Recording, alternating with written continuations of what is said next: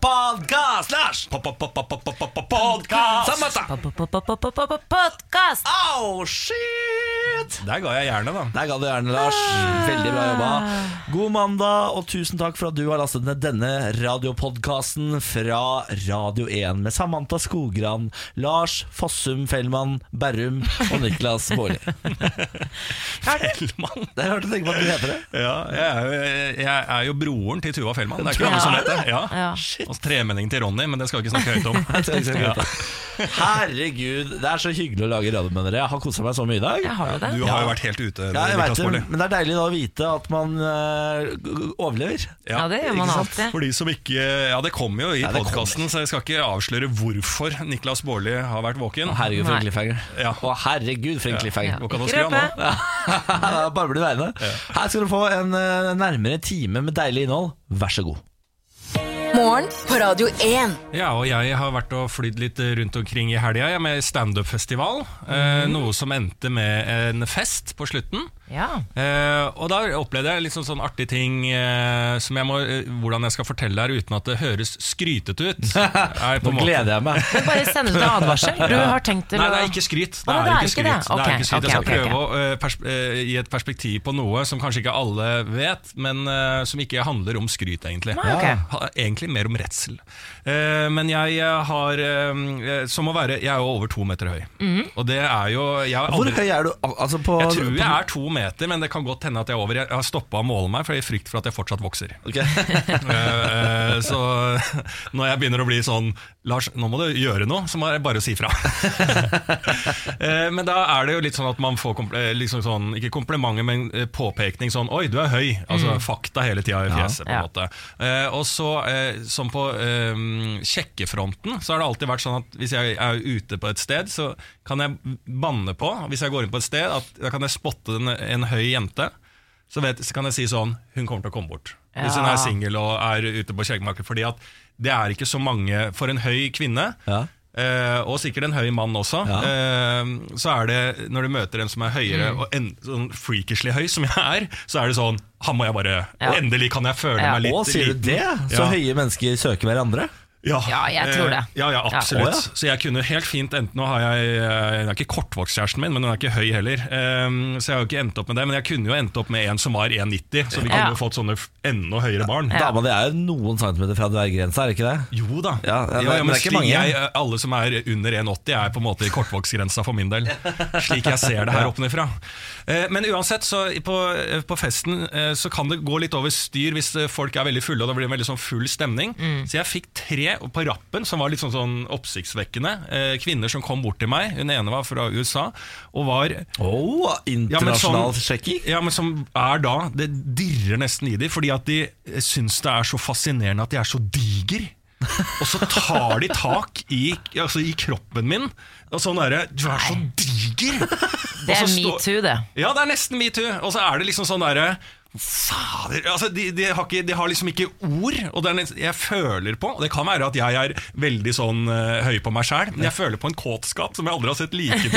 Nå, eh, jeg har aldri sett maken til når, de, når jeg opplever det. For jeg, det har skjedd før òg, for det er, det er ikke meg de er ute etter. Det er ingenting, det er nesten en sånn fetisj, en check out. Altså Ja, ja. De skal sjekke an noe. De har en, eh, en, en liksom følelse av Eller en eh, tanke om hvordan jeg er, Ja, bare fordi jeg er så svært. Så det er en helt sånn der desperasjon i det. Men det er jo noen typer mennesker som har eh, som, som er en fetisj. Altså du, altså høy menneske. Fetisj. Det. Eh, altså, og eh, svarte menn, for eksempel. Eh, Veldig mange som har lyst til å ligge med de bare fordi de er svarte, og fordi ryktet sier at de har enorme peniser. Ja. Enorme peniser, ikke sant? Eh, og du er en av disse. Ja, jeg er en av Gratulerer med å være en fetisj. Ja. ja, takk skal du ha. Du, det, er, det, er, det er ikke sånn at jeg sitter og klager, men det er fascinerende. Når Det er synd på deg, Lars. Folk vil ligge med deg. Ufattelig synd på deg. men det, jeg, jeg har aldri dratt med en sånn type eh, jente hjem i mitt tilfelle, da. Men jeg tror, aldri... ikke, de- jeg tror ikke de vil ligge med meg, skjønner du. Jeg, de, de, Det de- tror jeg. Jo da, men de, det er ikke ligg jeg blir utsatt for da. Altså, altså det er Nei, er klatring, du s- biting, klemming og på liksom sånn jeg, Misbruk. Jeg blir- kommer til å bli misbrukt. Er Jeg tør rett og slett ikke. Selv om jeg er to meter høy, så tør jeg ikke det der greiene. Godt du ikke er singel, da. Klatrestativet, Lars. Donald Trump brukte søndagsmorgen på en eh, Twitter-krangel med JC. For eh, to uker siden så klaget eh, Trump over at det kom for mange immigranter til USA fra det han beskrev som drittland. Det er det mange som har reagert på.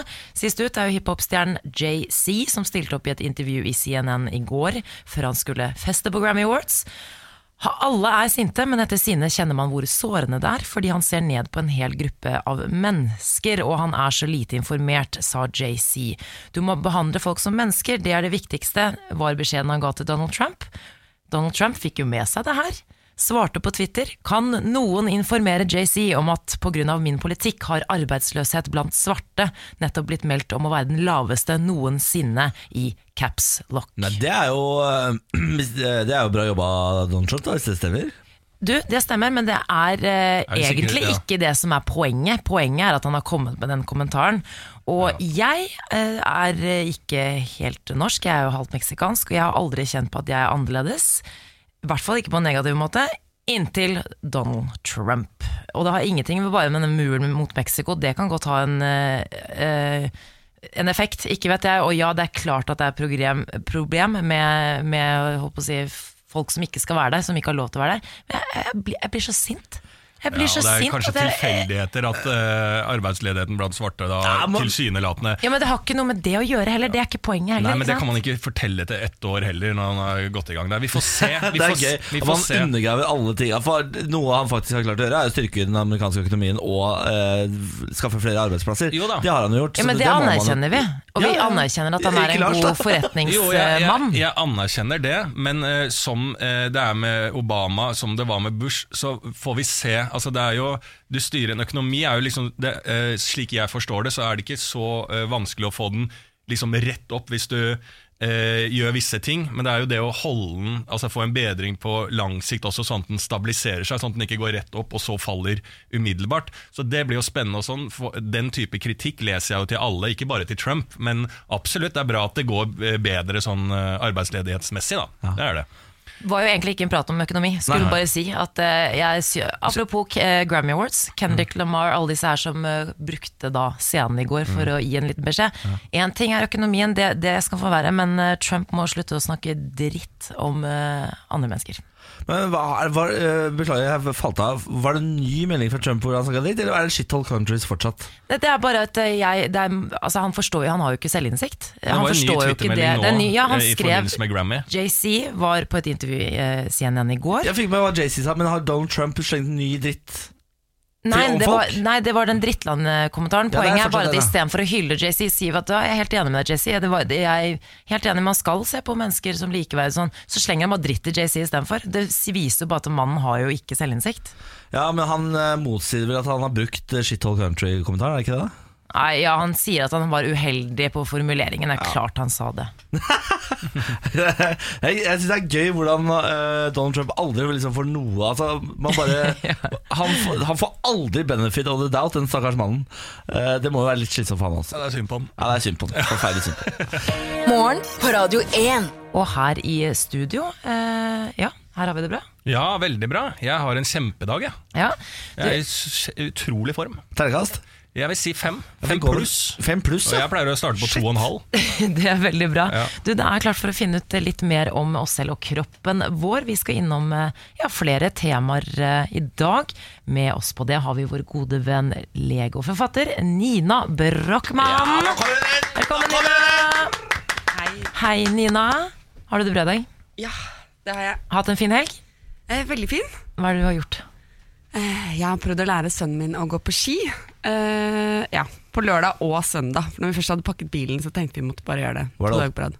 Opp til fjellet? Nei, nei, nei. Det var på Sognsvann. Oh, ja. Det var liksom 100 meter inn frem og tilbake. Ja, med Kanskje. Kan han gå på kino? Ja, jeg vil si eh, 100 meter. Veldig, ja, veldig bra. Imponerende. Ja, ja for det er jo et, et geni av en sønn, ikke sant? Ja, ja, ja. ja, ja, ja. Du, vi skal over på dagens eh, første tema. Er du redd for den lille føflekken på kneet ditt? Blir du redd for hjerteinfarkt når hjertet banker fort og hardt? Da er du ikke alene. Over 50 000 nordmenn sliter med hypokondri, også kjent som helseangst. Og Nina, hva vil det si å være hypokonder? Eh, ja, altså Der tror jeg de har blandet sammen to ting. Ja. Uh, fordi å være hypokonder er egentlig en ganske streng diagnose, og det er ikke så veldig vanlig. Um, uh, det er at du er overdrevent redd for å få en alvorlig sykdom. Eh, og at dette, på en måte denne angsten den varer selv om du har vært og sjekket deg hos legen, og selv om du får prøvesvar som sier at du ikke er syk. Eh, og, um, og så finnes det forskjellige typer. da. Det finnes de som løper ned legekontoret, og så finnes det de som har helseangst og legeangst og bare sitter hjemme og er redd for å dø. egentlig. Ja. Men hvor vanlig er egentlig det? Nei, det er eh, altså Det er vanskelig å anslå akkurat hvor vanlig det er. Det kommer an på hvor strenge kriterier man har, og sånn, men det er, man snakker under 1 um, Ja, da er det kanskje 50 000, da. Ja. 50 000 bare? Jeg kjenner jo minst fire som sier sånn 'herregud, jeg er hypokonder'.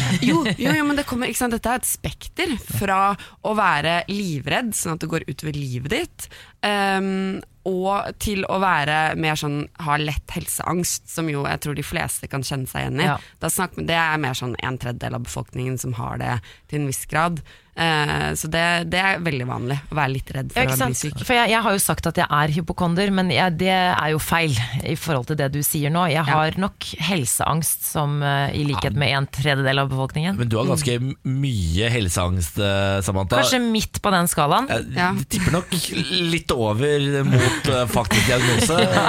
Ja, Jeg fikk jo, Nina, jeg fikk jo eh, jeg fikk ikke et anfall, men i romjula, da alt var stengt, så fikk jeg en sånn hvit prikk på armen som jeg ikke forsto eh, hva var. Ja. Og så var jeg ganske sikker på at det var hudkreft. Ja. Så jeg tok bilde av den flekken og sendte til eh, to familievenner som, som er leger, for å få en diagnose. Og Ja. du jeg, jeg, fikk, jeg googla alt. Jeg var helt sikker på at jeg hadde funnet frem til en diagnose. Og det, googling, det er ikke så lurt. Eller Altså, googling kan være veldig fint, men, uh, men jeg tror uh, sånn generelt så Å google sånne ting hvor du, du vet at det du er redd for er at du har kreft, så tror jeg googling er en veldig dårlig løsning. Ja. Fordi eh, hvis du tror at det kan være kreft, så sier alltid Google at det er kreft. Eh, du får aldri en betryggende sånn Nei, nei, Samantha, dette her dette er ikke kreft. Eh, så hvis det er det du er redd for, så ville jeg ikke googlet. Men hvis det er mer sånn hvordan burde jeg løse dette litt bedre, eh, burde jeg ta noen andre medisiner, så kan du kanskje ta en Google-runde. Hvor lurt er det å bruke lommelege, da? Fordi det vet jeg veldig mange gjør når de er, føler seg som en pjuske, så er det rett inn på lommelege. Men der får du også Der kan du få en sånn Du bør oppsøke lege. Og da, da hadde jeg fått uh, helseangst. Jo, men å oppsøke lege, det er jo egentlig en veldig god er løsning. Nei, det er en kjempefin løsning. Er du redd, så gå til legen istedenfor å google. Jeg tenker at det er den beste. ja, for hva burde terskelen for å gå til legen være? På en måte sånn sett da, Hvis man er eh, redd, da. Ja, altså jeg tenker at det er en god målestokk. Hvis du er redd og merker at du sover dårlig om natten for du går og bekymrer deg for noe, så skal du gå til legen. Det er på en måte ikke din jobb å finne ut av om du er syk eller ikke, det er legens jobb. Og så er din jobb å stole på at det legen sier faktisk er riktig. Så når legen sier vet du hva Samantha, dette er bare en hvit prikk, nå må du slappe av, Ja. så må du slappe av. Hvis ikke du klarer det, da begynner vi å snakke om hypokondri. Men blir du altså ikke så lei av liksom at Samantha kommer tolv ganger i løpet av en arbeidsuke og bare sånn eh, hvit prikk her nå, og så i morgen så er det en rød prikk på leggen, og så mm. er det litt håravfall? Selvfølgelig, man, man, jeg tror jo selv når du er redd for at det er kreft, så skjønner du jo når det er liksom noe, eh, noe sannhet i det. Ja, la oss spørre. Samantha om det. Skjønner du det, Samantha? Ja, nei. Jeg gjør jo egentlig ikke det. Men jeg, jeg hører hva du sier. Men, altså, jeg, jeg, jeg har jo eh, Et av mine favorittråd det er å skrive dagbok. Um, fordi de aller fleste plager vi har, går jo over av seg selv. Og hvis du er redd for at det er eh, litt farlig, så kan du, eh, men ikke hjerteinfarkt og sånne ting, da må du selvfølgelig dra til legen med en gang, så kan du skrive en dagbok, si hvis det er hodepine eksempel, da. Før dagbok hver dag, hvordan det utvikler seg, hvor mye har du egentlig vondt, hvor vondt er det på en skala fra 1 til 10, hva er det du har gjort før du får vondt f.eks.? Mm. og så ser du mest sannsynligvis i løpet av en uke, uke etter den dagbokskrivingen, så vil du være beroliget. Ja. Hvis du ikke er det, så har du et helt sånn strålende dokument du kan ta med til legen og si, se her, her har jeg ført dagbok i en uke. Legen vil kanskje synes du er litt sånn Ja, det, kan, det jeg. Det, men det, det, det, men det er mye bedre, og da kan du få god hjelp. Ja, men du, Det er veldig godt tips, Tina. Jeg lurer på en ting. Du som er lege selv, er det sånn at du også kan bli redd? Du som kan så mye? Ja, ja, ja. Det er jo, nå er jeg akkurat ferdigutdannet, da, og det er jo Ja. alle medisinstudenter det er jo en egen sykdom. Vi har jo dødelige sykdommer en gang i uken. Og Er det til, og sant? med, til og med sykepleier. Jeg husker når Ja. jeg er sykepleier og ble ferdigutdannet Ja. også. Og vi kan jo da eh, liksom sånn Vi kan kanskje A, B, og så kan legen C. Så vi kan liksom sånn Jeg kan veien inn, men jeg kan ikke nok til å vite hvordan jeg skal betrygge meg sjæl. Ja. Eh, så det er kanskje verre. Ja. Vi fikk jo alle sykdommer, men jeg kommer meg ikke ut av det. Morgen på Radio 1. Og nå skal vi snakke om noe som eh, mange menn sliter med, men som ikke snakkes så mye om, og det er å prestere på soverommet. Og Nina, eh, hvilke utfordringer har menn i senga? Hvis man snakker om vår aldersgruppe, da, 16 til 34, eh, så er eh, det vanligste problemet er at man føler selv at man kommer for fort. Det er det nesten én av fem som eh, sliter med. Og så på nummer to så er det at man ikke er interessert i sex, eller at man har lite lyst på sex. Så lystproblematikk, det er nesten like mange, det er 15% Og så er det det å ikke um, få orgasme, som er én av ti som sliter med. Og så etter det så kommer ereksjon. Ja.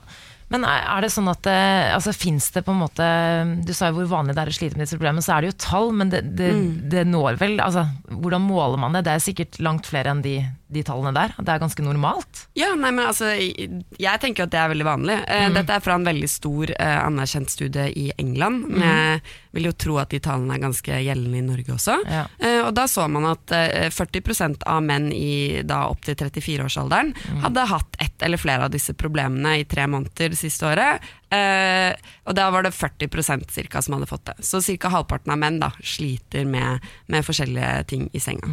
Ja, jeg, hadde jo, jeg hadde en periode da jeg var litt yngre i et, eh, sånn, i et for, ja, slags forhold med en fast dame, da, der jeg plutselig fikk uh, hang meg opp. Jeg vet ikke om jeg leste en sak om det, eller jeg vet ikke grunnen, men plutselig så kom jeg tidlig og fikk et sånn der hang-up i det. Og da husker jeg det var et sånt problem, da, for jeg, hun, det var veldig sånn fin kommunikasjon på det. Jeg, sa, jeg, jeg holdt ikke inne, det, det er jo ganske tydelig òg. Jeg tenker meg om. Det er vanskelig å komme seg rundt det, det er lettere for kvinner akkurat det der. Eh, Men så snakka vi om det, liksom, og hun, hun var liksom sånn Det er null stress, eh, på en måte, det går over. Men jeg er litt sånn Er idrettsgutt også. Så det irriterte meg at ikke hadde kontroll over min egen prestasjon. Da. Eh, og, og jo mer jeg begynte å tenke på det, kanskje den første gang i livet jeg fikk en sånn derre Jo mer du tenker på en ting, jo verre blir det. Eh, for det var, det var ganske sånn vilt en periode, så gikk det over et, etter hvert. Da. Men jeg husker hvor, hvor frustrerende det var. Og jeg kan bare tenke på de som har den type problemer, kanskje i store deler av seksuale livet sitt, eller alt sånt, hvor jævlig det egentlig er. Ja, jeg tror uh, Det du sa nå er kjempeklokt, det der med at det blir sånn ond spiral hvor man tenker Ja. på det. Og en ting er å komme for tidlig, men også det derre med å ikke få ereksjon, eller eh, å ikke komme. Hvis du driver og tenker på det hele tiden hver gang du skal ha sex, og er redd for liksom, å komme jeg til å miste benneren, altså da mister du benneren. Ja. Uh, og sånn blir det, en sånn ond spiral, og så kan du slite med dette kjempelenge hvis ikke du snakker med noen. Eh, og nettopp det der at gutter ikke snakker om disse problemene fordi det på en måte ikke passer inn i, i mannerollen. Eh, det, det gjør at det blir ekstra ille. Ja.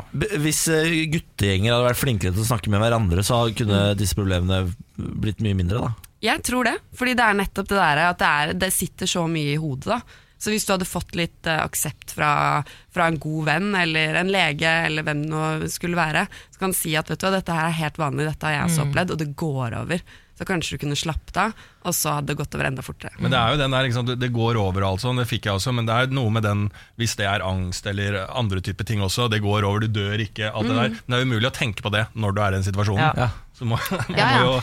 ja, få litt og hjelp ikke minst snakk med partneren din. Altså, Det er jo det aller viktigste. Ja. Vær åpen om det og si du, nå sliter jeg litt her. Du, vi ba om spørsmål fra dere der ute, og vi har fått inn et spørsmål fra en lytter som har et spørsmål om uh, orgasme under samleie. Jeg er en 23 år gammel mann som har hatt en del sexpartnere opp gjennom årene, men de fleste har vært one night stands. Jeg liker sex veldig godt, syns det er gøy, men jeg bare kommer ikke når jeg har sex. Jeg føler jeg er den eneste som opplever dette. Jeg har ingen problemer med orgasme når jeg onanerer. Hva betyr dette, Nina? Nei, som sagt, dette er kjempevanlig. Eh, og vi vet jo at det er et problem hos damer. Det er jo sånn jenter snakker mye om. Sånn, jeg får ikke sex eh, Nei, jeg får ikke orgasme når jeg har sex. Men at én av ti menn også har dette som et eh, vanlig problem, det er det ikke så mange som vet. Så jeg tror mange gutter som, eller menn som opplever dette, føler seg veldig alene. Men eh, som lege da, så spør man jo da alltid om kommer du når du onanerer. Og hvis du kommer når du onanerer, men ikke når du har sex, så sitter det mellom øra. Eh, og da handler det om å snakke med noen, eh, slappe av, eh, kanskje få hjelp hos en sexolog hvis det ikke går over av seg selv. Um, men det handler rett og slett bare om å føle seg trygg. Altså det er jo det alt dette her med sex og orgasme og um, ereksjon og sånn handler om. At man må føle seg trygg. Og det er akkurat like viktig for gutter som det er for jenter. Nå ble jeg nysgjerrig, fordi hvis man kommer når man onanerer, så sitter det mellom øra. Men hva hvis man ikke kommer når man onanerer, da? Hva, hva kan problemet være da? Nei, Da må man begynne å se på om det er altså, noe mer alvorlig gærent. Da. Om det er Uh, om det er, du er lagd litt annerledes på en eller annen måte, sånn at det ikke kommer sæd, eller om det er om du har noen hormonforstyrrelser eller et eller annet. Så da, da eh, gjør man mer grundige undersøkelser. Men det er veldig, veldig veldig sjelden. Men jeg må bare si at som jente så har ikke jeg vært klar over at dette har vært et såpass stort problem. Tror jeg. Kan, jeg kan nesten snakke for mine venninner også. Jeg visste ikke at det her Jeg vet at det er folk som sliter med det, men jeg trodde det var mer individuelt. Da. Jeg trodde ikke at det var en sånn kollektiv eh, problemstilling. Nei, jeg visste ikke det jeg heller. Nei. Men jeg spurte, eh, når jeg begynte å lese om det her, så spurte jeg venninnene mine eh, hvor mange av dem som hadde opplevd at de hadde vært sammen med en fyr som ikke kom. Og det var alle sammen. Og mange sa at det ofte var i forbindelse med alkohol og sånn, men, men det er jo ikke alltid det. Men jeg tror mange gutter på en måte skylder på det når det skjer. At de sier at 'å, jeg var så full, jeg klarte ikke å komme i går'. Og så handlet det egentlig om nettopp det der som han eh, denne lytteren spør om. Det er at det er one night stands. Ikke sant? Du er i en veldig sårbar posisjon, og du, du kjenner ikke den andre så godt og er utrygg på deg selv. Og det er jo ofte litt sånn sånn for gutter, da, så er det jo veldig mye ting eh, i, I forhold til jenter, så er det jo Gutter må på en måte få den ereksjonen. De må eh, på, eh, på en måte komme, men ikke for tidlig. Så du må liksom styre. Det er ganske mange sånne prosesser og du skal på en måte ha et krav om å tilfredsstille som kanskje blir sterkere og sterkere om å få tilfredsstilt kvinnen maksimalt på det one night standet også. Eh, og det er press fra eh, guttegjengen, og det er flaut. Det er mye jobb. Størrelse kommer Ja. inn der òg. Det er veldig mye på, på gutta som også ikke kommuniseres ut. da Ja. Jeg tror at vi er jenter også kan bli Ja, jeg prøver å flytte nå fokuset i 2018 på å handle litt om en sårbar mann der ute. Det tror jeg er på tide nå. Vi har snakket om prestasjonsangst på soverommet, da spesielt menn. Rådet ditt, Nina, snakk med noen, eh, enten om det er kjæresten din eller lege, og helst også egentlig guttegjengen. Vær åpen og ærlig om det. Eh, tusen takk for at du eh, var her i dag, Nina. Du er tilbake neste mandag. Det er jeg. Ja, Nydelig. Morgen på Radio 1. Og jeg har lyst til å snakke litt om det å kose seg. Eh, For det er jo et, eh, faktisk et kulturelt nøkkelord. På Ja. lik linje som janteloven, eh, som er litt mer negativt. Men det hører Skandinavia til, det å kose seg og hygge seg på dansk og alt sånt. Det er ikke så mange andre land som har det. Nei. I USA så Cozy. de ja, vi sier ikke cozy oss, liksom. Nei, Nei. det er Netflix and chill som dere har funnet på borte i statene der. Eh, men her så har vi jo kose seg, og det er jo litt kanskje pga. mørketida og at man må eh, finne ting å gjøre. Og en som koste seg veldig mye i helga, var jo for, for eksempel en fyr på, i Kongsberg som eh, prøvde å gå på langrenn på vei hjem fra byen, Ja. som gikk veldig dårlig. Ja. Politiet meldte at han kunne verken gå skøyter eller eh, Klassisk. klassisk, så han ble plukka opp av politiet og kjørt hjem, da. Men han var veldig fornøyd. Eh, men dette er å, å, med å kose seg, syns jeg er litt sånn, sånn eh, interessant. Fordi hva du som er eh, fra det store utland, kalt USA, eh, Samantha hva, Man må jo ha et ord for det, sånn som i går på søndag. Så sier jeg til kjæresten min nå skal vi faen meg kose oss, liksom. Ja. Det må være lov å kose seg litt, som en kompis pleier å si. Eh, og kjøpte inn ting, og nå koser vi oss, på en måte. Hva, det må jo ha et ord for det. Vi er jo ikke så forskjellige, vi mennesker. Det, det, er, det er chill. Det er chill. Ja. We're just chilling, liksom. Men de, har, de har ikke et ordentlig sier det også. Nei, de gjør jo ikke det. Vi, sånn, We had a nice time, det er jo typ det de sier. Men folk Og det gjør- er ikke, de har ikke et eget ord for det. Men de går inn for det. Nei, ikke på samme måte. Men hva sitter når amerikanerne er på ferie? De gjør ikke sånn som altså, I England så finnes det et skandinavisk museum for kos, hvor de har stilt ut for eksempel forskjellige koseting som vi har i Skandinavia, som de ikke har i utlandet. Ja, men fatteren, eh, Vi har jo årlig tur eh, til Gran Canaria, mamma og pappa. Og Da sier jeg til fattern eh, under en middag når vi har kommet litt ut i ferie Nå koser vi oss. De må jo ha den bekreftende De må jo ha den bekreftende De jobber i utlandet. De er ikke så rike som oss, de har ikke tid til å kose seg. Nei, de har nesten ikke noe ferie. Nei, de har ikke det. Det er bare Så- Norge som har, fi, så har sånn Men det her har ikke med sånn. det å gjøre. De må ha et begrep der alle ser hverandre i øya i familien, og så sier man 'Now Kan we have si a cozy time', og så nikker du, alle. si Now cozy we have time. a co alle må være enige. Alle kan ikke bare uh, uten å snakke sammen være enige om dette. Det er jo derfor vi sier det i Norge. Nå koser vi oss. Selv om befatteren har vært dritings dagen før og har vært noen skandaler og sånn, så må vi samles rundt et begrep. Og det må time. de jo ha i utlandet òg. Elsker det. Nei, men Jeg syns vi skal starte nå. Cozy time. Cozy time. Jeg skal ta det med meg over til Ja, gjør det. United. Og da må du huske å si det ofte. Du skal jo cozy over om ikke så lenge, du. Til USA, skal du ikke det? Nei, jo, jeg skal faktisk det i påsken. Ja, Da må du ta med deg dette fra vårt bord i Radio 1 her, Ja. eh, og så sier du ifra til familien din. Titt og ofte, dette skal jeg rapport på. Så skal du si Se familien din i øya og si sånn Now we have a coasting time. Og så skal du se reaksjonen og prøve å få samla familien. Ja, jeg gleder meg. Jeg skal ta det med videre, Lars. Ja. Står du opp tidlig i hverdagen, da må du stå opp tidlig i helgene også. Det kan være fristende å sove lenge i helgen, men søvnforskere anbefaler ikke dette, for det kan gjøre de neste ukene tyngre, dere. Eh, både Lars og Niklas ser sånn dumt på meg. akkurat. Nei, Men du legger det frem som en kjempenyhet. Det er det som er, det, er det Nei. beste når du Nei, har det du sier? Ja. Nei, men dette er et del av et eksperiment som jeg holder på med om dagen. Jeg prøver nemlig meg på dette, og uavhengig om jeg vil eller ikke stå opp Jeg står opp rundt halv fem til vanlig i hverdagen. Så prøver jeg i hvert fall å stå opp mellom sju og åtte. Selv om det er mye senere, så er det jo tidlig nok, syns jeg, da i helgen. For å se om jeg blir mindre trøtt på mandager. Jeg skal ikke gjøre det lenge, men jeg skal prøve på det. For jeg mistenker at de faktisk har rett, disse forskerne. det, det kan jeg jo garantere deg at de har. Noen ganger Samantha, så mister du det bare. Fordi de Lytterne som ikke har fulgt med på hver sending, så hadde en, en dag så spurte Amanda meg som, eh, Samantha. Ja, Samantha, sorry. Er det rart jeg klikker? Så spurte Samantha meg Lars, du som er sykepleier, eh, er det farlig å spise godteri hver dag? Eh, Og hadde som en unge så på meg spørrende, og det er litt det samme nå. Tror dere at hvis jeg står opp tidlig hver dag til samme tid, at jeg har en bedre rytme? Og svaret er jo ja. Nei, men Jeg har en venninne som var helt uenig med meg, som sa at du trenger Du må få ta igjen Du kan for å få overskudd. Det er ikke mulig å ta igjen søvn. Nei, Det er helt klin umulig. ikke Er det jobbe- det? Ja, det er helt umulig. Det, ja, eh, du er veldig søt, altså, Matta. Ja. Du er kanskje den søteste jeg kjenner når du eh, legger fram disse tingene her. Ja, men jeg, jeg er usikker på det. Ja, men det er, det er- sant. Jeg, jeg kan si det at eh, For å ta det litt alvorlig, jeg har jo jeg har migrene. Så jeg gjorde om det at jeg alltid står opp ni da, i helger og sånn uh, uansett. Så jeg står opp til fast tid. Eh, så ikke bare at man uh, på en måte holder en søvnrytme, så hjelper det og at jeg ikke får migrene.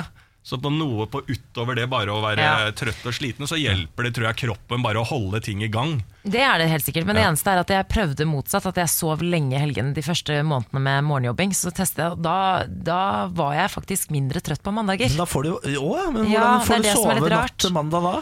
Nei, det gikk, fi Nei, det gikk fint, det, faktisk. Ja. Men, jeg bare, men jeg skal teste det ut, og det stemmer helt sikkert som dere sier. Men du- motsatt hittil, i hvert fall. Lykke til, Samantha. Jeg gleder meg til å se utviklingen når Men du kommer på jobb. Ikke neste mandag, ok? For jeg skal på fest på lørdag. Så det fins ikke. ok? På deg, da. Du, men du fester jo hver helg, Samantha. Altså, vi- Ja, jeg vet det. det bra. Eh, jeg var på Dixon on Ice jeg.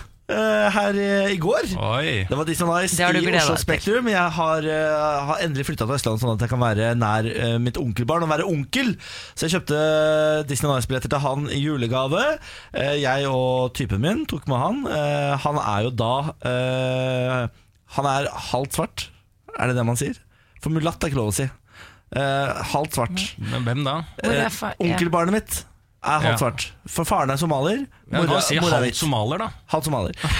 Så ja, vi gikk med han eh, med, eh, i, i hver vår hånd mellom oss og tenkte sånn Nå ser det ut som vi har adoptert barn. Tenkte sånn, oh, det får vi en forsmak på det livet. Ja.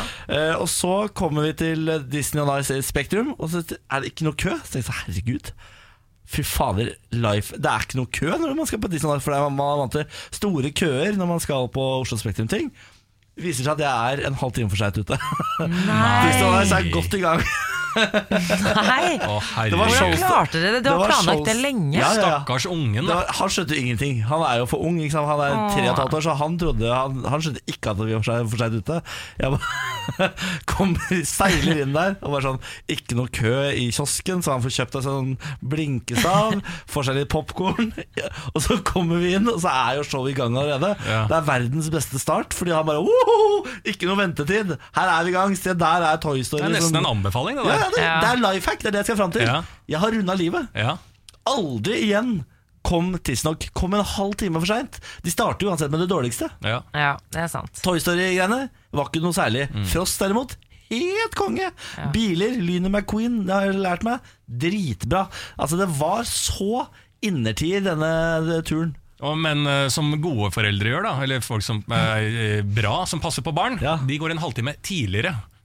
Samme greia. Ja. Ikke noe kø, for god tid med kiosken, men også for under kiden til å se en åpning på et show. det er også en life hack. Ja, Når du sier det på den måten, Lars. Koselig at du tok med deg lønnen din da, Niklas. Kanskje jeg skal prøve neste år da, å komme tidsnok. Eller en halvtime før. Vi får se. Morgen på Radio 1. Og det ble X Games-sølv til både Øystein Bråten og Johanne Killi i natt. Dritkult, da. ja, Ja, jeg syns det det er helt fantastisk. Ja. At eh, X Game, for Jeg alltid synes det er sånn undervurdert. Eh, ikke undervurdert, det er jo den største som er i utlandet, og alt sånn Ja. men vi hører så lite om de norske stjernene som vinner. Ja, og så faktisk Markus Kleveland, snowboard. Virkelig. Å, jeg syns du han er kjekk. Syns du det, Niklas? Markus Kleveland, da? Ja. ja, ja. Problemet er når vi snakker om idrettsutøvere og skal på en måte gi det fokus, Lars, Ja. så begynner jo Niklas alltid å bjeffe på de han syns er kjekke. Ja, Det er det som er feil. Det er ikke det som skal være fokus i idretten, Niklas. Og Nå skal jeg snakke litt om hva som skal være fokus, for eh, Sigrid. Bonde Tusvik eh, skrev jo en av sine ukentlige spalter i Dagsavisen, der hun la fokus på da eh, at eh, skolerevyer får, som får dårlig karakter, at det ikke burde bli gitt dårlig karakter til skolerevyer. Eh, fordi at Aftenposten anmelder jo skolerevyer, eh, russerevyer og, og den, eh, den slags. Og så var det en revy som fikk terningkast to, da. Og har jo slitt med veldig mye publikums eh, Altså Det kommer jo ikke publikum dit. Det har 120 plasser, og eh, ja, det kommer ingen familie og sånn må støtte opp og alt sånn. Altså Det går utover revyen også. Og er det noen Dette er jo snakk om videregående elever, liksom. Eh, skal de bli trilla terning på av en Aftenposten-avis? Og hvem er det som leser disse anmeldelsene? Det er jo bare andre elever. Så hva tenker vi rundt bordet her? Er dette, bør vi tidlig krøkes? Jeg har vært med i en revy som har fått terningkast to. Har du det? Jeg hadde lys på den, så jeg har ikke vært med i den. Jeg, jeg så på den ofte hver kveld. Eh, ikke gøy. Det var Drammens Tidende som ga eh, min folkehøyskolerevy terningkast to. Det er knallhardt. Det er knallhardt. Ja, det skjønner jeg. Og, og det begynner å fordeles skyld, ikke sant? siden det er eh, videregående. Så ikke sant? Det kan jo skape at man blir mobba. At skyld ligger på at det er mm. den personen som gjør denne revyen dårlig, de som har skrevet Det er jo barn, mer eller mindre. Ja, men jeg tenker det er enten eller, da. Jeg, at hvis man skal trille terning, så må man jo Kan man ikke bare gi gode terningkast? Jeg tenker Da må vi bare skite i det. Da kan vi ikke, da kan vi ikke ha terningkast, bare gi en anmeldelse. Ja, mye bedre. Men ja. og det er ikke sånn, altså Anmeldere Jeg, har, jeg, er ikke, jeg, jeg ikke umiddelbart mener at uh, norske anmeldere innen humor og den type ting er bra. Les at jeg har også fått dårlige anmeldelser. Terningkast én, vel? Der, Ja, jeg har én og to og tre. Altså, alt, under, alt, alt under terningkast fire har jeg fått. Altså, jeg Og på skoler vi fikk jeg seks. Ja, men jeg har opplevd eh, en gang at, eh, at jeg ikke skjønte kutyme i ternekaststilling. Jeg var med på Firestjerners middag eh, og spiste hos hun Voe, bloggeren, og ga ternekast to. Det skal man ikke gjøre. Nei. Fordi der, Selv om det er terninger der, så gir man aldri under en terningkast fire på Firestjerners middag. Å, nei. Jeg har altså aldri fått så mye hat i innboksen min noen gang. Det er sjelden du får det, så da var det kanskje greit. Så når jeg ga terningkast to til eh, Voe, så det man må gjøre, er å man må ha terningkast Mm. på anmeldelsene, men aldri under terningkast fire. Nei, og så må man jo anmelde det ikke sant? Når de gir høye terningkast på Mm. en skolerevy, så tenker jo ikke jeg at dette er en terningkast seks av uh, et scenekunstnummer, Nei. men jeg tenker at det er seks i forhold til sko uh, revymessig, skolerevymessig, Mm. og det er ingenting som er terningkast to sett i lys av en skolerevy, for det Nei. går ikke. Dette er dugnadsarbeid og folk som har lyst til å gjøre noe gøy, så det går ikke Ja. an å få terningkast to. Det burde starte på fire uh, pluss. Stå på. Demonstrasjoner i Russland. Russisk politi pågrep i går opposisjonsleder Aleksej Navalny eh, på vei til en demonstrasjon i Moskva i går. Det er jo valg i Russland den 18. mars i år. Det har vært hundrevis av protestanter i titalls byer. Eh, Det var det i går, altså. Og han ble arrestert. Han blir beskrevet, denne Aleksej Navilny, blir beskrevet som den eneste opposisjonspolitikeren president Vladimir Putin har fryktet. På Twitter i går så skrev Navilny 'Jeg er blitt pågrepet, men det betyr ikke noe'. Kom på demonstrasjonen på Twitter. Tøff fyr. Jeg synes det er imponerende at han får lov til å tvitre fra fengsel eh, i Russland. Det hadde jeg gjetta på at han ikke kom til å få lov til.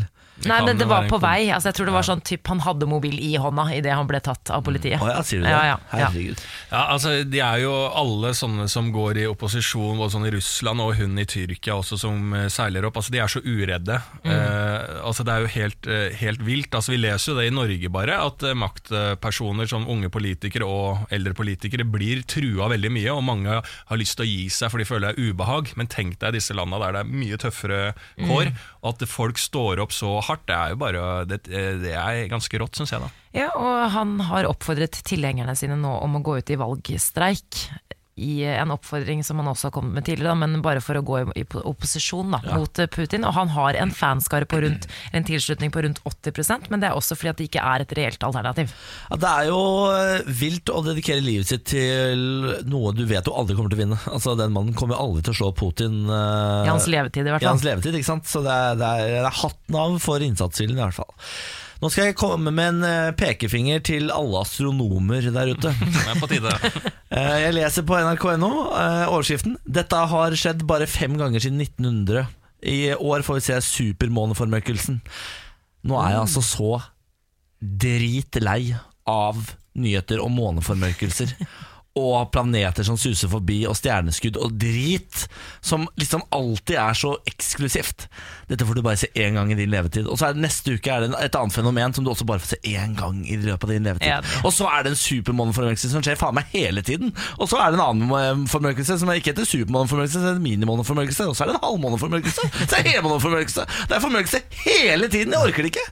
Nå må man begynne å vente til det faktisk er spektakulært med å si sånn I dag er det på tide å gå ut og se på himmelen. Ja, For den, met eh, den meteoren kommer mot jorda, og når den treffer, så er vi ferdig. Så- Så send på vei ned! Da, da kan du gå ut og se på det. Men nå, vi må slutte med sensasjonsjournalistikk på disse formørkelsene og alt i verdensrommet. Jo, men heller det enn eh, sensasjonsjournalistikk rundt sånn eh, kjendiseri Nei. og eh, eh, Ja, det moteting enig, og alt sånt. I dag Ja. kan du se Sofie Elise Isaksen på TV2 Livsstil. Heller den saken enn i dag kan du se supermåneformørkelse på himmelen. Du kan jo bare ignorere det. Det orker jeg ikke. Jeg blir sliten. Og av en eller annen merkelig grunn, og han er ikke sitert i saken engang, så hater jeg Knut Jørgen Rød Ødegård i dag. Oi, han er jo bare blid og glad, glad i Ja, men det er han som er grunnen til at folk driver og klikker på de sakene der. Han er illuminaten når det kommer til astronomi. Ja. Men du skal ut og se på. Ikke faen. Klima? Ikke faen. Vi gjør det til en date. Pølse, termor, pølse på termos og litt kaffe og sånn. Kvikk lunch? Ja. Ja, da, blir det. da er jeg med. Morgen på Radio 1. Lars Bærums morgenquiz. Da er vi i gang, og det er bra for å rydde litt opp, for det er jo ufokusert Niklas Baarli og ufokusert eh, Samantha Skogran her. Så da er det bra at Lars Berrum kommer inn og eh, strammer Ja, tøylene ja, litt. ja. Ikke tut i ditt eget horn, Lars Berrum. Jo, jo, det er det, akkurat det jeg gjør, og det er på tide. Så nå er det da eh, morgenquizen. Eh, Reglene er enkle, det er tre spørsmål. De går ut til dere, Niklas Baarli og Samantha Skogran. Det er et quizlag, så dere svarer samla. Og så alle svarene, de får det helt til slutt. Og vi har jo allerede hørt Niklas Baarli starte med å le av sitt eget quizlagnavn, Ja. så vi får høre hva det er, Niklas. Ja, i dag heter vi som lag Multiple Scoregasms. Nei, Multiple Scoregasms. Scoregasms. den var ikke så morsom. Den var bra, ja. men den var ikke så veldig morsom. Men du likte det? Ja, den var, den var grei. Du synes den var bra, altså sånn Nei. kvalitetsmessig? Ja, altså sånn ordmessig var den jo ja. Scoregasms. Hvis du ikke har sovet en hel natt, så er det heter kongen av Lars. Ja, fordi Niklas Baarli, til de som nye lyttere der ute, så har eh, da Niklas Baarli ikke sovet i natt, for han har sittet og sett på, hold dere fast, et dataspillkamp har han sittet og sett på hele. Det, En er, det har vært major-finale i natt, og det ser man på hvis man er opptatt av Counter-Strike. Ok. Spørsmål nummer én. Hvilket bilmerke var det mest populære blant nordmenn som kjøpte ny bil i 2017? Du, det lurer jeg faller Hvilket på bilmerke om var det jeg mest vet. populære for folk som kjøpte ny bil i 2017? Norges mest solgte bil er Det er enten Golf, eller så er det Leaf. Nissan Leaf. Volkswagen. Men det er merke Det er bilmerke. Ah, det er merke, ja. Men er det ikke Volkswagen? da? Har ikke som vi, har hadde Golf, ikke ja. Eh, jo, jo, men det er det jeg mener. Ja, har- de har jo golf. Ja, og de selger Passat, og det går jo unna sikkert. Ja.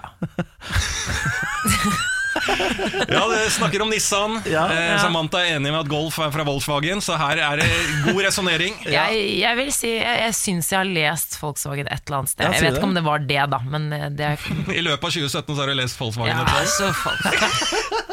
Nå er dere gode. Takk for det. Nei, men fader, eller Vi er jo veldig glad i Volkswagen i Norge, og den Gol- elgolfen har gått som hakka møkk. Jeg tror vi sier Volkswagen. Jeg tror også ja. gjør det. Ja, Endelig svar avgitt. Ja, er det ikke det, da? Jo, det er opp til dere, det.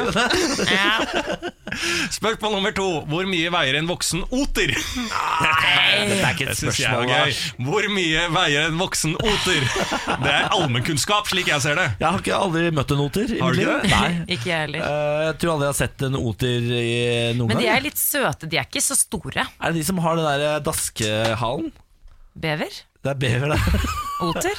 Oter, ja, hva er forskjellen Hva på er forskjellen på eh, o- over? Oter og bever? Ja, det er det jeg spør om.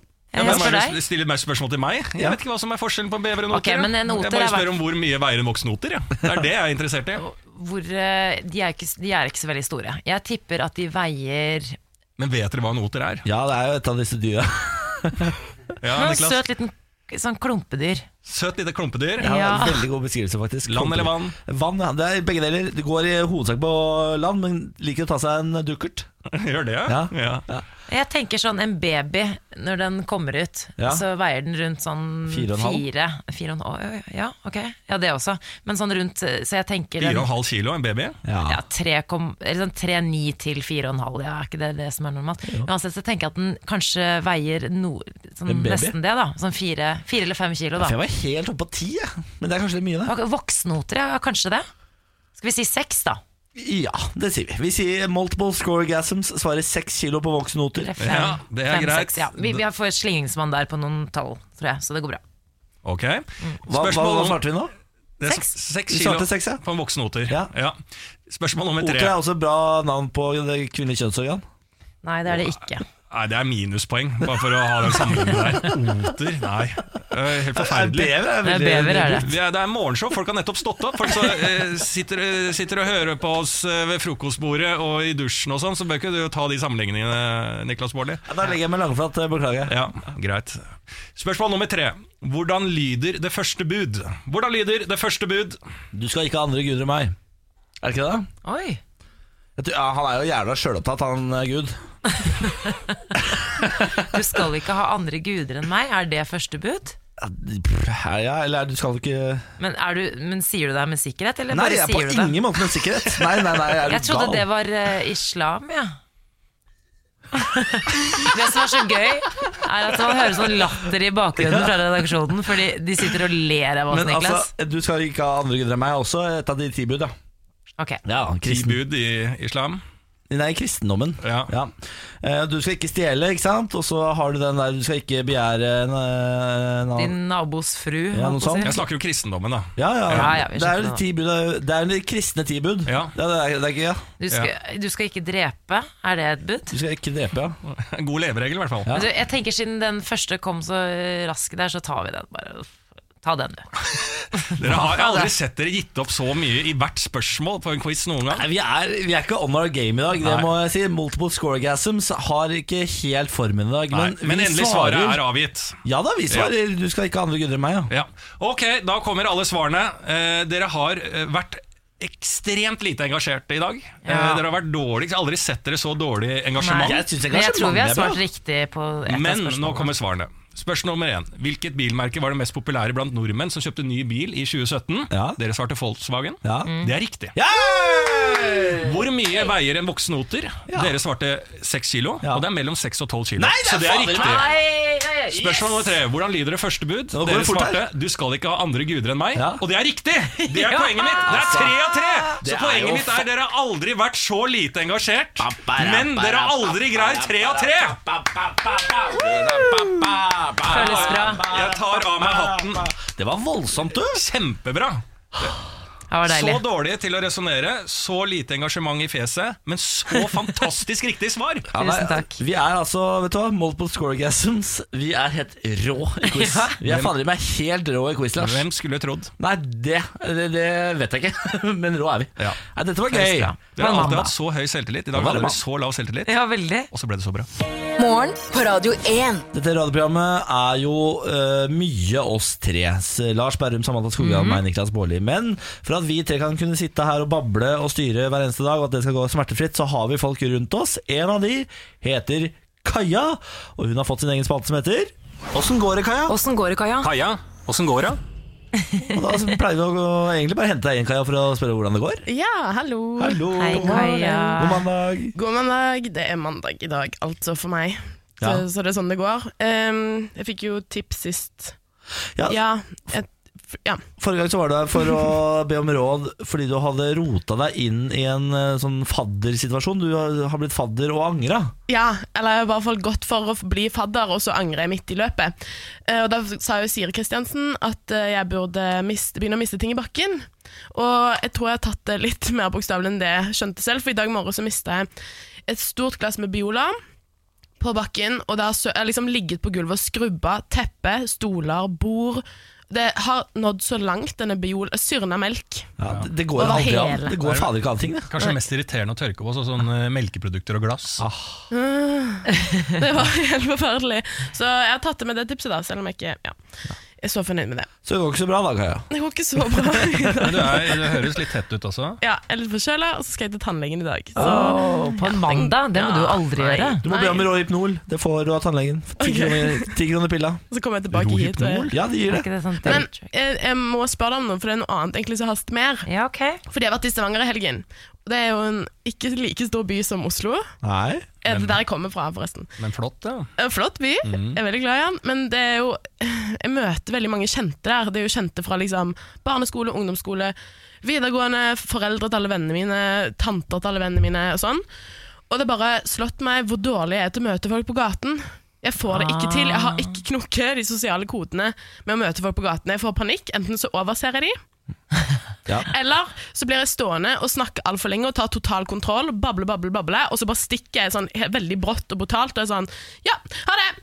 Og så Ja. lar jeg de bli stående igjen. Og jeg, vet, jeg, må, jeg må bare finne ut hvordan man liksom løser denne situasjonen her, Fordi det, det skjer jo ganske ofte. Ikke like ofte i Oslo, men det skjer her òg. Vet du hva, jeg tror du har funnet det første stedet du og jeg møtes, Kaja. Hvor vi er like, så her skal jeg holde kjeft, og skal jeg høre på to som er bedre enn oss til dette. Ja, jeg har faktisk Jeg er uh, fra Oslo, så jeg opplever jo det her støtt og stadig. Ja. Og det jeg kan si, er at du må alltid ha sånne go to-setninger.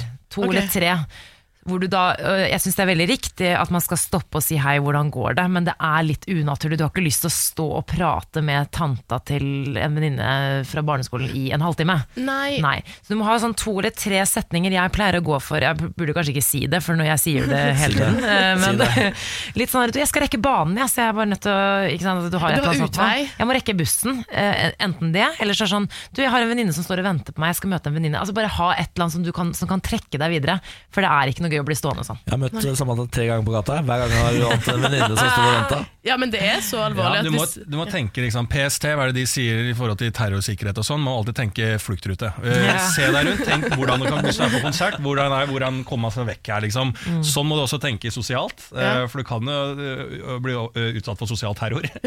Eh, så da må du alltid ha en fluktrute. Så jeg er veldig enig med Samantha, og alltid ha disse i hodet ditt. Og de, de, mitt tips er å legge det inn. Hei, hvordan går det?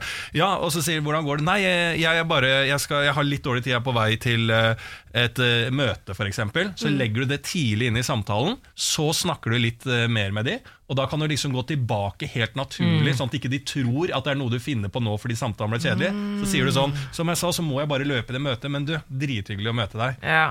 Ikke sant? Ja, ikke sant. Liten tis på begynnelsen, Ja. samtale, samtale, samtale. Ta opp tisen, get the fuck away. For en teknikk. For strategi. Og så et lite tips også at jeg blir, har også en tendens til å bli veldig bablete Ja, når jeg møter på folk jeg ikke kjenner så godt. Still heller de spørsmålene, la de prate, så kan du liksom være den rolig som har du, nei, men Så hyggelig at det går bra med deg, for da har du fått høre hvordan det går med de og familien deres. Og så kan du si men jeg må stikke nå, ja. Ha det. Eller så tar du dette terrortipset mitt enda mer alvorlig, så tar du en svær potteplante rundt deg, som du alltid går med når du går i offentlig, sånn at ingen ser deg, så ser ut bare som en svær potteplante som går rundt. Da lar vi det bli det siste tipset, tenker jeg. Tusen takk. Da lurer jeg på om vi er i mål. Uh, Kaja, lykke til. Ja, det, tror like jeg du, det tror jeg du trenger. Morgen på Radio 1. Og nå skal vi ha en ny runde av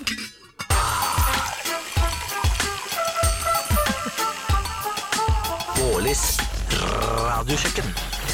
Velkommen til Bårlis radiokjøkken. Deltakerne er Lars Berrum og Samantha Skogran. Hei, hei. Dette foregår på følgende måte. Lars Berrum får utdelt én ingrediens. Det samme gjør Samantha Skogran. Det er to forskjellige ingredienser. Dere skal som ett lag finne fram til hvilket land disse to ingrediensene skal komme fra. De kommer fra ett og samme land. Ja. Du som hører på må gjerne være med og eh, gjette. Lars og Samantha er dine paletter. Du svarer på radio1.no på Facebook, og hvis du er en av de som får rett svar, ja, så stikker du av med en premie. Er vi eh, klare? Ja. Ja. Da må dere lukke eh, øynene og ta ned luene, slik at ingrediensene kan komme inn fra vår praktikant Jørgen. Tusen takk, Jørgen. Da har dere fått et fat foran dere med hver deres ingrediens. En av dere må bruke en skje deres Samantha smør i dag. Da kan dere lukte og smake. Vær så god. Jeg, jeg, jeg trenger ikke skje. Nei, du trenger ikke skje, Lars. Nei, det er kan... rett i kjefthølet. Jeg lukter litt først, kanskje. Ja, ja. Jeg lukter, og vi skal i Ja, så det er litt sånn osteland, ja. Ja. ja. Ja, Har du også Smaker vi det samme? Nei, vi har forskjellig ingrediens, Ja. og så skal vi sammen da, Samantha, finne ut hvilket land Er det det? Det er det som er ja. uh, er ikke ost det dette er Smaker, pølse, håper jeg. Det smaker uh, fruktig.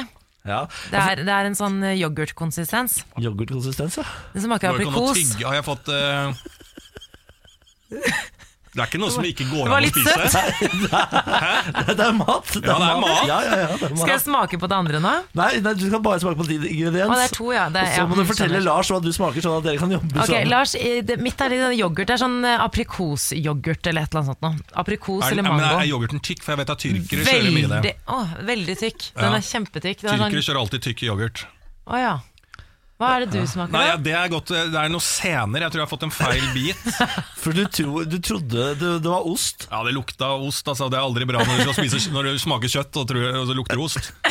Ja, men hva, er det, hva er det for noe? Hva er Det er jo umulig å si. Men Er det ost eller kjøtt? Det er kjøtt.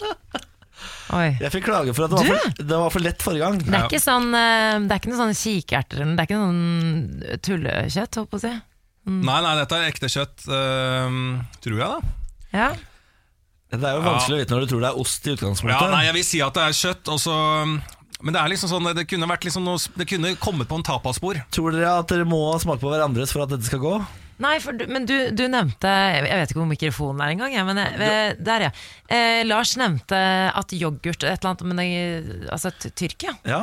Det kan Ja, jo men det stemme, er en da. pølse jeg får meg bort fra Tyrkia. For yoghurten, jeg vet ikke hvordan den er, men øh, altså, hvem andre Hellas? land øh, Hellas, altså. det Hellas er gode på yoghurt, er det ikke? Gresk yoghurt. Jo, gresk yoghurt, ja. å, sånn typisk der, ja, men da er, Ja. ja, For det er Niklas Baarli sin greie, så han har sikkert tatt gresk yoghurt, ja. Ja. Gresk yoghurt Jeg, og har, en sånn jeg, har vært, derre jeg har vært i Tyrkia tolv ganger, jeg bare nevner det. Ja, nå lurer du oss. ja, men det ja, det er, Da er det jo ikke Tyrkia. Nei, Skal vi si Hellas? Jeg vet ikke hva det kjøttet opp. Det var Spania sist gang. Ja, okay. Det dukker alltid opp noen pølser der borte. Det smaker jo ikke som gresk yoghurt, det smaker sånn aprikos uh, tineyoghurt. Men eh, hvis det er tanken, da. Ja. Dere må begynne å finne fram til ett felles svar, okay. dere. Skal vi si Hellas? Ja, Hellas, altså, men kommer det sånn Hva de har av kjøtt der nede? Jeg aner ikke. Altså, det burde vært noe mer stereotypisk Hellas hvis det var det. Ja. Og egentlig, hvis dette er litt sånn kebabkjøtt, da, hvis dette kunne vært en tyrkisk eh, Hva heter det? Kish kebab, eller hva faen Shish kebab, tenker du på? ja. Så kunne han prøve det sporet han ville Ja, ha det er egentlig det jeg hadde tenkt å gjette først, men så begynner Niklas tulle med oss nå. Nei, vi tar Tork. Dere okay, sier greit. Tork. Ja. Tyrkia er deres svar. Ja. Eh, Anders har vært inne på radio1.no på Facebook og svart Hellas. Så det er altså to forskjellige svar her. Tyrkia og Hellas. Riktig svar i dagens Bårlis radiokjøkkenkonkurranse er Norge! Norge. Norge! Yoghurt og, og Det er ikke yoghurt, det er kvarg! Kvarg? Kvarg! Kan vi ta og opp du, lua nå? Ja, og du har en helt vanlig skinke i hånda. Det er en helt vanlig skinke, Lars. Ja, Men vanlig skinke er det ikke. Det er en helt vanlig skinke. Det er ikke en helt vanlig skinke. Det er sikkert Du norsk får skinke, sånn, da. det, er, du spiser, det er ikke sånn, sånn man spiser i Norge. Helt vanlig skinke er det jo ikke. Å, det var lureri! Jeg, jeg er født og Kvarg. Jeg har bodd i hele Norge hele livet i Norge. Aldri spist kvarge. Og sånne Ikke, tykke kvarge. Ikke kvarge. Kvarg. Kvarge. Da burde du jo tatt uh, sånn uh, f- øh, Ikke- ikke- får ikke eller noe mårpølse eller noe Lars, sånt. ikke kritikk. Lefse hadde jo vært et For, alternativ. forrige uke så var det for lett. ikke sant? Du gikk rett på manchego og antall måneder. Ja. I dag vanskeligere. Du får en skinkebit, og du får kvarg. Og Ja. dermed så ble det null correcto svaros. null correcto svaros i Bårdis radiokjøkken. Velkommen Godt, til en ny runde neste uke. Ja, er kjempegodt. Morgen på Radio 1. Ja, vi tenner våre lykter når det Det skal ikke bli en greie, Niklas. Hvorfor ikke? Det er så deilig å avslutte med det. Nei, det er ikke det. Jeg, sy- Hvis du hadde vært flink, så hadde det vært det. liksom Det er jeg helt enig i. Ja. Ja. Men du har på en måte ikke det talentet. Mener du det? Ja, det mener jeg. Det står jeg for. Men det har vært en uh, god podkastrunde. Jeg håper du som hørte på, har likt det. Og det er jo bare å abonnomere, som det heter, i mitt uh, vokabular i hvert fall. Uh, og så uh, ha det gøy utover i dagen. Vi er jo tilbake hver dag, vi. Ja da. I morgen klokka seks, eller når du vil på podkast. Vil du si noen kloke ord før vi gir oss, Samantha? Ja, kom med et livsmotto, Samantha. Ja, Spis burger i dag, for det er mandag. Ja vel. ok. Ikke Da, et livsmotto, men Det er bra forsøk, Samantha. Ja. du får nytt forsøk i morgen. Jeg skal det. Jeg skal spise burger i Å, dag. herregud, du er gæren, ass. Du er gæren. Ah. Ha det! Ha det.